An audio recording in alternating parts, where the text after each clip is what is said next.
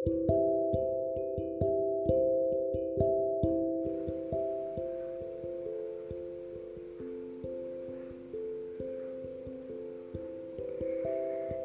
malam anak-anak. Selamat bergabung dalam siaran dongeng sebelum tidur. Sebelum mendengarkan dongeng, Ibu mau tanya, apakah anak-anak sudah gosok gigi?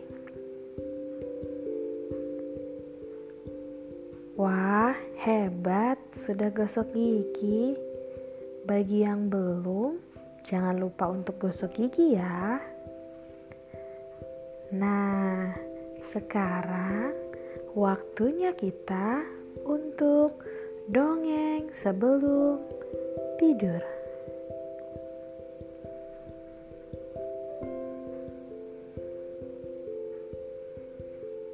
Kali ini, Ibu Laura akan mendongeng dengan judul Kebakaran Hutan. Liburan kali ini, Sinta menginap di rumah kakek dan neneknya di desa.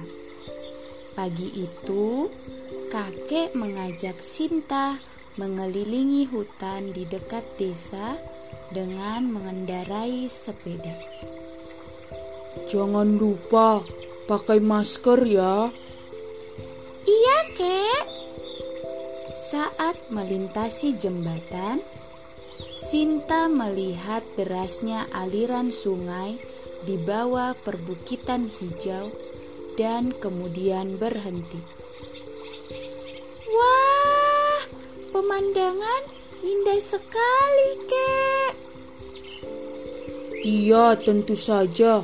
Pemandangan indah ciptaan Tuhan yang harus kita syukuri dengan menjaganya. Yuk, kita jalan lagi. Saat mereka mengelilingi hutan, terlihat ada asap membumbung. Kakek tiba-tiba menghentikan sepedanya, lalu berjalan menuju ke tempat asap itu berasal. Kakek mematikan bara api yang menjadi sumber asap tersebut. Masih saja ada orang yang ceroboh meninggalkan api di hutan. Ini bisa menjadi kebakaran hutan.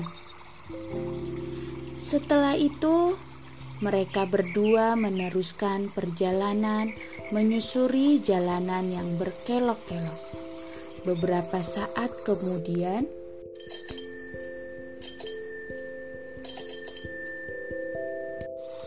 kakek memencet bel ke pengendara motor di depannya kemudian menepikan sepeda.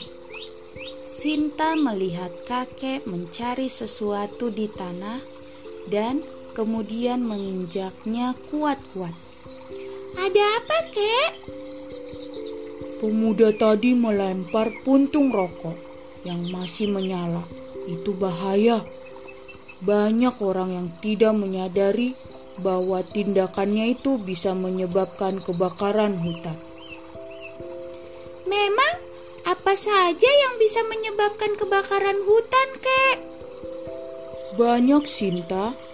Selain kecerobohan orang tadi yang meninggalkan api atau membuang puntung rokok sembarangan dan bahkan masih menyala, kebakaran hutan bisa juga terjadi akibat sambaran petir pada pohon.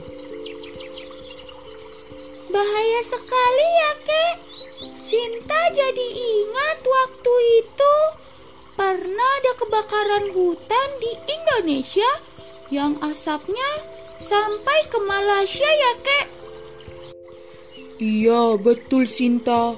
Apakah kamu tahu asap itu bisa mengakibatkan sakit mata dan gangguan pernapasan?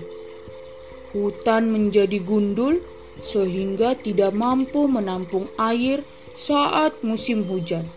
Ini bisa mengakibatkan tanah longsor dan banjir.